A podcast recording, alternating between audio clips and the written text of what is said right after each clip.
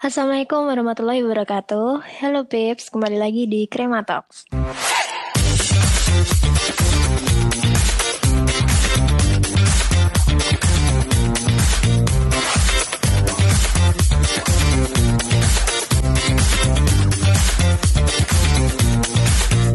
Kali ini yang bakal bawain Krema Talks ada aku Wenda dari Krema dan ada Aku Bari dari Krema juga tentunya. Nah, di Krema Talks kali ini kita kedatangan tamu nih, salah satu UKM yang tenar dan populer di Fakultas Hukum Universitas Islam Indonesia. Nah, siapa tuh kira-kira guys? Uh, langsung aja yuk kita panggil dari UKM KPS LEM FHUI. Tentunya udah sangat Iya. familiar ya di telinga kita Pips.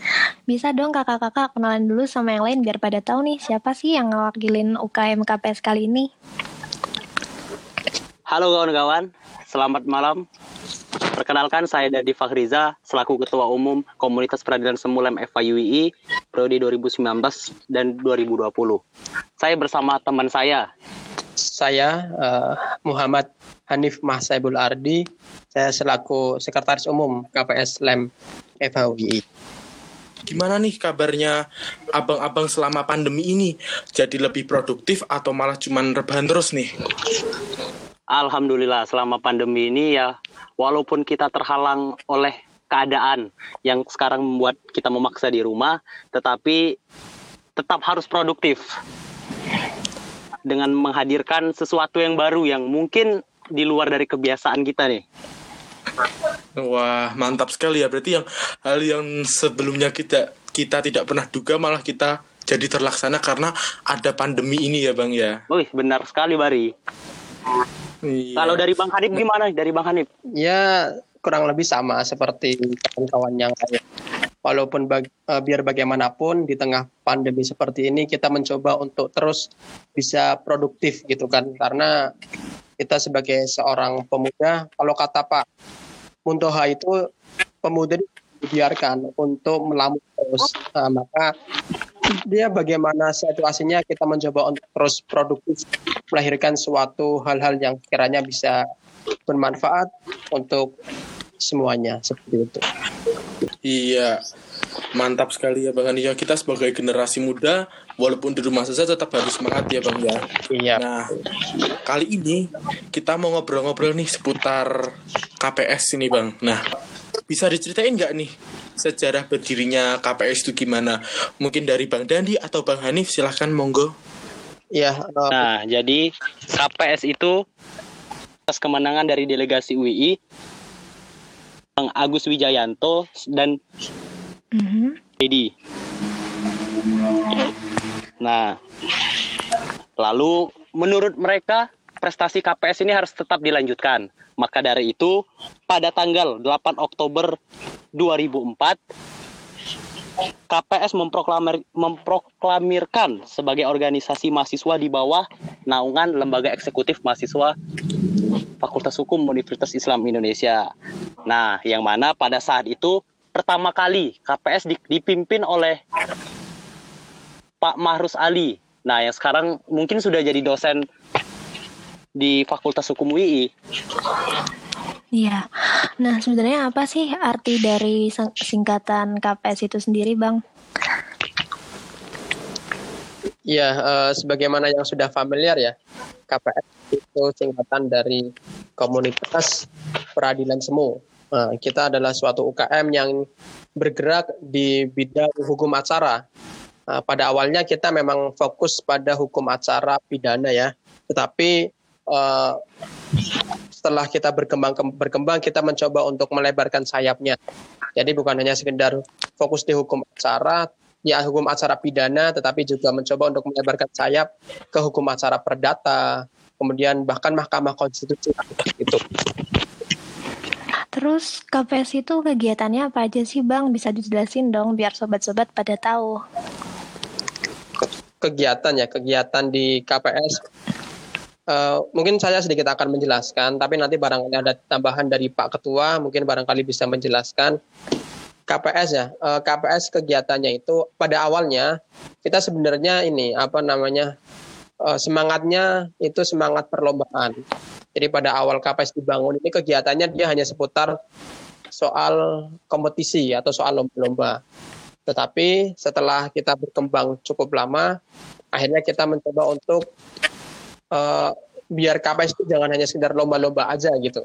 Karena ternyata banyak sekali peminat-peminat KPS semakin hari semakin hari, semakin tahun semakin tahun terus uh, peminatnya sangat banyak. Jadi kita mencoba untuk apa namanya uh, menambah suatu kegiatan-kegiatan selain dari perlombaan. Misal kayak diskusi, Nah, kita ada nih kegiatan-kegiatan diskusi baik diskusi secara rutin maupun diskusi publik. Nah, kemudian kita juga ada pelatihan-pelatihan. Ada kita pelatihan legal training, ya kan.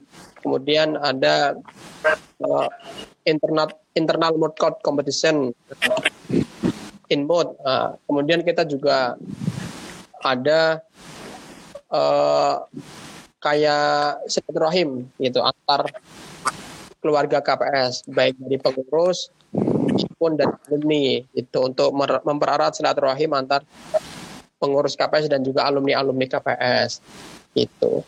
Terus ada kita juga melakukan usaha-usaha ya kan untuk memenuhi kondisi keuangan KPS. Ada kita punya uh, apa namanya garage sale sebagaimana yang selama ini sudah kita lakukan ya kita jualan-jualan lah kewirausahaan kewirausahaan seperti itu. Ya kurang lebih seperti kegiatan-kegiatan di KPS uh, ngomongin soal lomba dan kompetisi ini bang. Nah pastinya KPS udah banyak mengukir sejarah prestasi dong dari zaman dahulu hingga zaman sekarang. Nah uh, apa aja sih yang telah diukir KPS untuk kampus tercinta ini bang? Bisa dijelasin sedikit mungkin Ya, uh, ya sebenarnya ada beberapa hal yang sudah kita mencoba berikan ya untuk kampus karena pada prinsipnya kita mendengar apa kata patah dari profesor kita Prof Mahfud MD bahwasanya UI ini besar bukan karena kampusnya tetapi UI besar karena mahasiswanya. Jadi prestasi-prestasi mahasiswa itu yang sebenarnya membuat UI itu semakin besar. Lantas apa sih yang sudah KPS ini berikan ke kampus gitu ya? Nah, ya salah satunya dengan adanya perlombaan-perlombaan yang kita ikuti. Alhamdulillah dalam beberapa kali kesempatan kita uh, ya kita pernah atau banyak menjuarai perlombaan-perlombaan di tingkat nasional itu bahkan selain perlombaan kita juga punya uh, perlombaan kita sendiri yakni AKM National Mood Court Competition Abdul Kahar Musakir. Nah, nah, AKM yang kita punya ini bisa dibilang menjadi trend center bagi pelaksanaan analisis-analisis kampus yang lain. Dan di beberapa hal kita juga salah satu founder dari himpunan komunitas peradilan semu seluruh Indonesia. Nah, jadi uh, dulu alumni kita KPS itu salah satu pendiri dari HKPSI, Himpunan Komunitas Peradilan Semu seluruh Indonesia. Bahkan sampai sekarang sekretariat HKPSI itu berada di sekretariat di KPS itu sendiri gitu loh. Jadi di tingkat nasional insya Allah KPS sudah memiliki apa namanya warna yang cerah, uh, bau yang harum untuk menjadi uh, role model bagi uh, KPS KPS di seluruh Indonesia seperti itu dan otomatis itu juga membawa nama baik untuk kampus kita seperti itu. Mungkin Bung Dandi Pak Ketua barangkali mau menambahkan. Nah, ngomongin soal prestasi, KPS FIU ini kan banyak lah sudah menjuarai kompetisi-kompetisi peradilan semu di Indonesia. Salah satunya pernah menjadi juara dua di Alsa UB 2014. Pernah juga menjadi juara dua di Alsa Undip tahun 2005. Selain itu, juga pernah nih menjadi juara dua di NMCC Mutiara Joko Sutono Universitas Indonesia pada tahun 2004, 2005, 2007 dan 2010. Di Piala Jaksa Agung uh, punyanya Universitas Pancasila, kita juga dua kali menjadi juara di sana. Selain itu puncaknya itu di Alsa Jember tahun 2014. Kita menjadi juara satu di sana. Yang mana ini salah satu prestasi dari kampus UI sendiri maupun uh, baik juga kampus swasta karena di NMCC Jember dan mungkin seluruh NMCC Alsa ya yang no, mereka semua itu kampusnya kampus negeri. Kita pernah menjadi juara satu di sana. Dan itu hanya kita sendiri yang menjadi universitas swasta yang bisa menjuari kampus di kampus itu. Itu untuk pidana. Mungkin untuk di luar pidana kita pernah juga juara di eh, eh, NMCC mediasi. Dan juga kita juga pernah menjuarai di NMCC Bani. Mungkin seperti itu soal prestasi Wah, berarti untuk teman-teman semuanya pendengar podcast kali ini tidak usah diragukan lagi ya. Uh, prestasi yang telah diukir, diraih, dan diberikan KPS kepada kampus tercinta ini. Kita uh, sebagai mahasiswa Fakultas Hukum Universitas Islam Indonesia, kita juga harus bangga akan prestasi-prestasi yang diberikan oleh UKM yang ada di kampus kita tersebut. Nah, di balik kesuksesan nih Bang, pasti kan ada halangan dan rintangan di setiap prosesnya. Nah, apa sih Bang halangan yang dialami oleh KPS sendiri selama ini dalam melakukan proses menuju lebih baik dari lebih baik yang sebelumnya dan bagaimana cara menyikapinya dari nah uh, jadi setiap teman-teman KPS sendiri ini bang sesuatu apa sesuatu apa pun yang kita lakukan itu kan pasti ada proses nggak semua dong kita melakukan itu instan nggak semua dong apa yang kita lakukan itu langsung terjadi, pasti butuh proses. Nah, banyak proses-proses yang dilalui oleh teman-teman KPS ini. Yang mana pada saat pemberkasan, teman-teman diajarkan bagaimana sih menghargai satu sama lain, menghargai teman satu sama lain. Terus kita juga diajarkan bagaimana sih cara membedah suatu kasus hukum, bagaimana sih kita menentukan suatu pasal atau tindak pidana apa yang dilakukan oleh seseorang ini itu selain itu juga kita melakukan riset riset ke instansi ke dosen ke praktisi ke akademisi untuk mengumpulkan data-data yang kita perlukan nih nah setelah itu kita juga latihan untuk penampilan sidang nah latihan itu ya lumayan sih lumayan menguras waktu, tenaga, dan pikiran. Tapi selama itu dilakukan dengan baik, selama itu dilakukan dengan sungguh-sungguh, ya insya Allah pasti kita mendapatkan hasil dari apa yang kita lakukan itu. Wah mantap ya bang ya berarti uh, teman-teman KPS sendiri itu pun pasti memiliki oh, iya. tekad semangat yang tinggi ya bang ya. Nah uh, ngomongin soal COVID-19 ini bang, uh, gimana sih Eh, KPS menyikapi COVID-19 ini pasti kan ada ya eh, program-program kerja yang tertunda, eh, rencana-rencana yang tidak terrealisasikan karena pandemi ini. Nah, bagaimana ini Bang terkait dari dengan COVID-19 ini ya? Kita ya sebenarnya cukup menyayangkan juga sih. Di awal kita sudah merancang hal-hal untuk KPS ke depannya, tetapi ya karena adanya pandemi seperti ini, terpaksa kita harus memutar cara lagi nih untuk menghidupkan KPS di tengah wabah pandemi ini.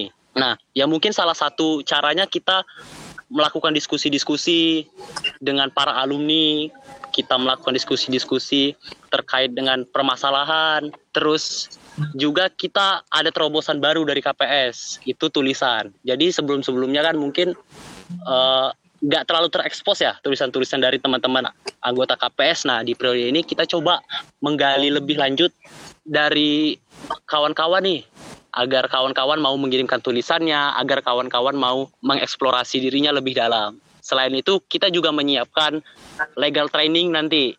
Kalau wabah ini pun masih berlalu hingga selesai lebaran di Juli atau Agustus, mungkin kita akan siapkan legal training online untuk kawan-kawan agar kawan-kawan paham nih, oh ternyata seperti ini loh membuat suatu berkas, nah seperti itu. Nah, dengar-dengar nih Bang, proses pemberkasan sebelum lomba itu berlangsung cukup lama ya. Bisa diceritain dikit dong pengalaman pem pengalaman selama pemberkasannya? Ya, mungkin Mas Had Mas Hanif nih bisa cerita banyak pengalaman yang ya, uh, terkait dengan pengalaman pemberkatan ya. Sebelumnya saya sampaikan saya uh, tiga kali ya mengikuti NMCC, ya kan dok mediasi, kemudian kemarin terakhir Al Alsa. Ya uh, terus bagaimana sih pengalaman-pengalaman yang didapat ketika selama pemberkasan? Pertama, memang uh, tidak bisa kita pungkiri bahwa yang namanya pemberkasan itu begitu menyita waktu, ya kan, menyita tenaga, menyita pikiran. Tapi dengan adanya itu semuanya, tentu ada feedback yang kita terima, timbal balik yang kita terima. Apa itu? Ya salah satunya ilmu, kita semakin bertambah ilmu kita. Kemudian kita semakin mengetahui bagaimana hukum di dalam praktek ya kan bukan hanya sekedar hukum di dalam teori kemudian uh, persaudaraan apa namanya persaudaraan di antara antar masing-masing anggota KPS, anggota, anggota delegasi itu memang sangat erat karena kita kan enam bulan nih pemberkasan kita sama-sama dengan mereka-mereka semua sehingga kita sama-sama saling mengetahui bagaimana antara satu sama lain seperti itu dan Eh, pengalaman-pengalaman tentu ada yang uh, baik, ya kan ada yang mungkin bisa dikatakan sebagai pengalaman yang pahit lah.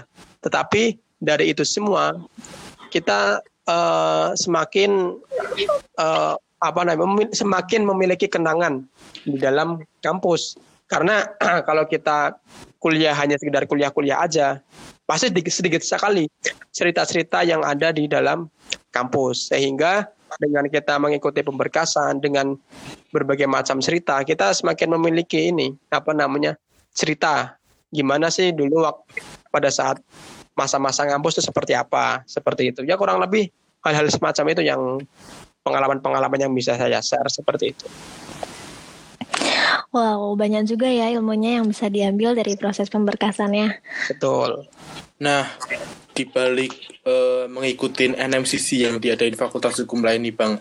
Kan tadi juga disebutkan nih NMCC AKM sendiri itu ya. Nah, bisa diceritain ceritain dong gimana gambaran euforia uh, semangat yang diberikan teman-teman KPS untuk melakukan uh, NMCC AKM sendiri ini dan juga tentunya banyak sekali universitas fakultas hukum universitas lain tuh banyak sekali yang berbondong-bondong untuk mengikuti lomba ini. Nah, bisa digambarkan sedikit nggak bang itu bagaimana uh, NMCC AKM yang dimiliki KPS ini?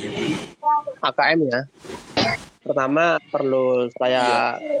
sampaikan terlebih dahulu bahwa uh, kita AKM memang sudah berjalan cukup panjang ya dan sekarang sudah AKM dan yang nanti insya Allah AKM yang ke-9 dan juga perlu dipahami juga bahwa sebagaimana yang tadi saya sebutkan ya AKM ini bisa boleh lah boleh kita katakan ya, bisa dijadikan sebagai role model pelaksanaan NMCC NMCC di kampus-kampus lain. Nah, salah satunya dari hal misalkan sumpah juri. Dulu di NMC NMCC kampus lain tuh nggak ada yang namanya sumpah juri. Nah, pertama kali diadakan itu karena di AKM. Itu yang mencetuskan pertama Pak Teguh Sri Raharjo pembina kita. Beliau mengusulkan bagaimana kalau jurinya kita sumpah pada saat opening. Dan ternyata itu diikuti oleh NMC NMC kampus lain seperti itu. Dan kemudian uh, mana sih apa namanya euforia euforia panitia pelaksanaan AKM. Nah, AKM ini juga cukup banyak menyita waktu, menyita pikiran, menyita tenaga, ya kan?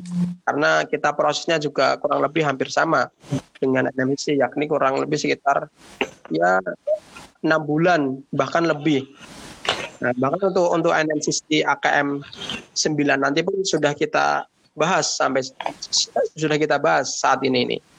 Nah, jadi walaupun uh, kita men menguras tenaga, menguras pikiran, tapi dengan semangat bahwa kita ingin membanggakan nama baik kampus FUI, maka apa pun itu, insya Allah uh, kita lewatilah halangan-halangan yang ada dengan sebaik mungkin.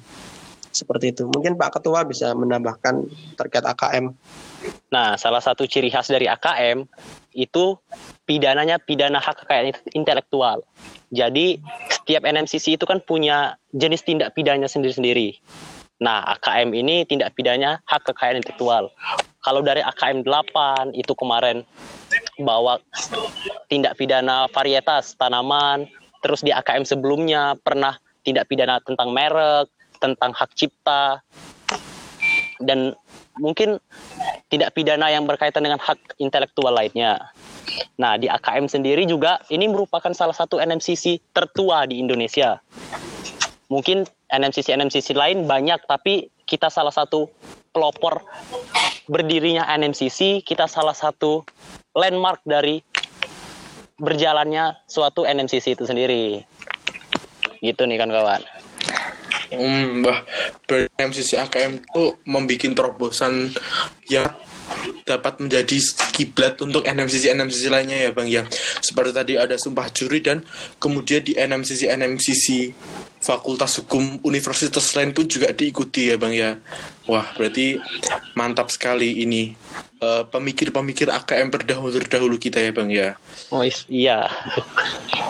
Nah uh, untuk Bang Dandi sendiri nih sama Bang Hanif juga kan pastinya udah merasakan pemberkasan beberapa berkali-kali dan juga menjadi pengurus KPS sendiri. Nah, ada nggak sih uh, perubahan diri yang diberikan dari KPS untuk diri-diri abang sendiri itu seperti kayak misalnya uh, saya sebelumnya malas, saya mengikuti KPS, mengikuti pemberkasan, saya menjadi disiplin. Nah, itu mungkin bisa diceritakan biar teman-teman lain, generasi-generasi yang akan datang saat mendengarkan podcast ini bisa mendapatkan wejangan-wejangan dari generasi-generasi KPS sebelumnya, Bang.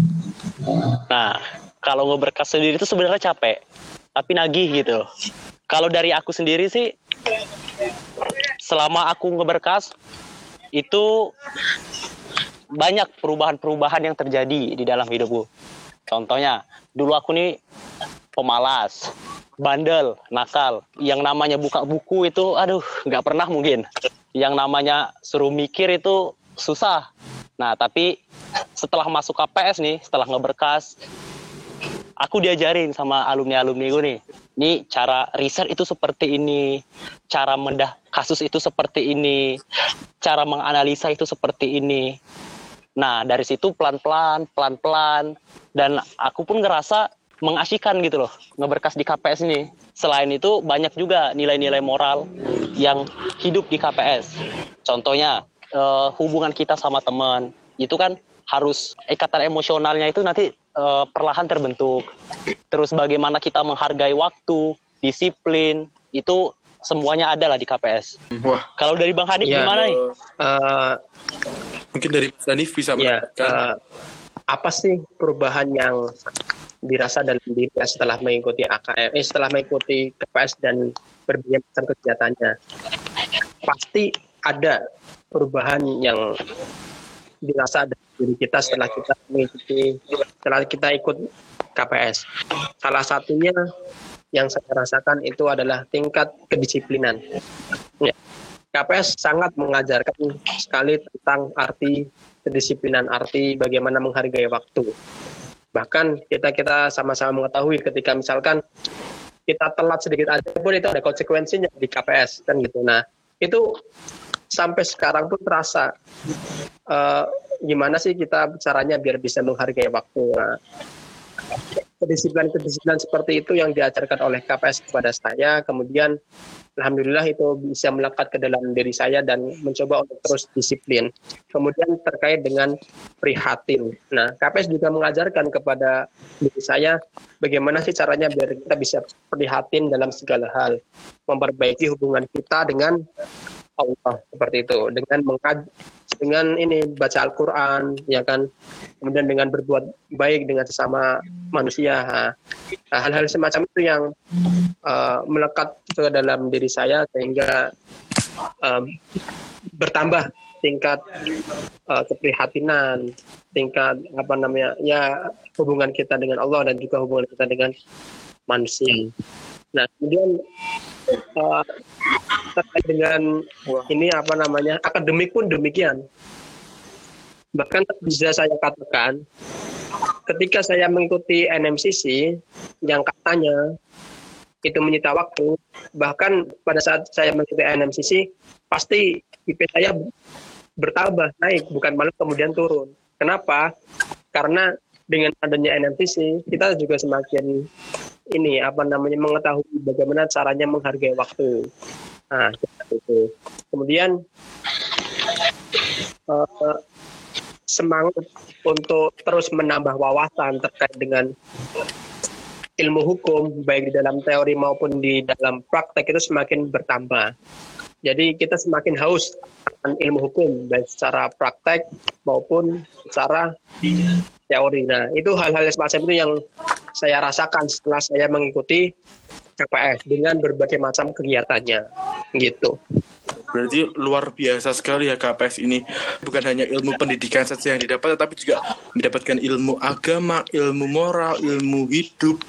Luar biasa sekali ya untuk eh, teman-teman uh, yang telah mengikuti KPS dan telah mengikuti pemberkasan dan mungkin dengan hal hal motivasi seperti ini yang diberikan abang-abang kepada teman-teman kita semua semoga bisa menjadikan teman-teman untuk berkiblat bahwa kita itu juga harus mempelajari ilmu-ilmu yang lain. Betul. Mungkin barangkali bisa menambahkan sedikit Bari ya.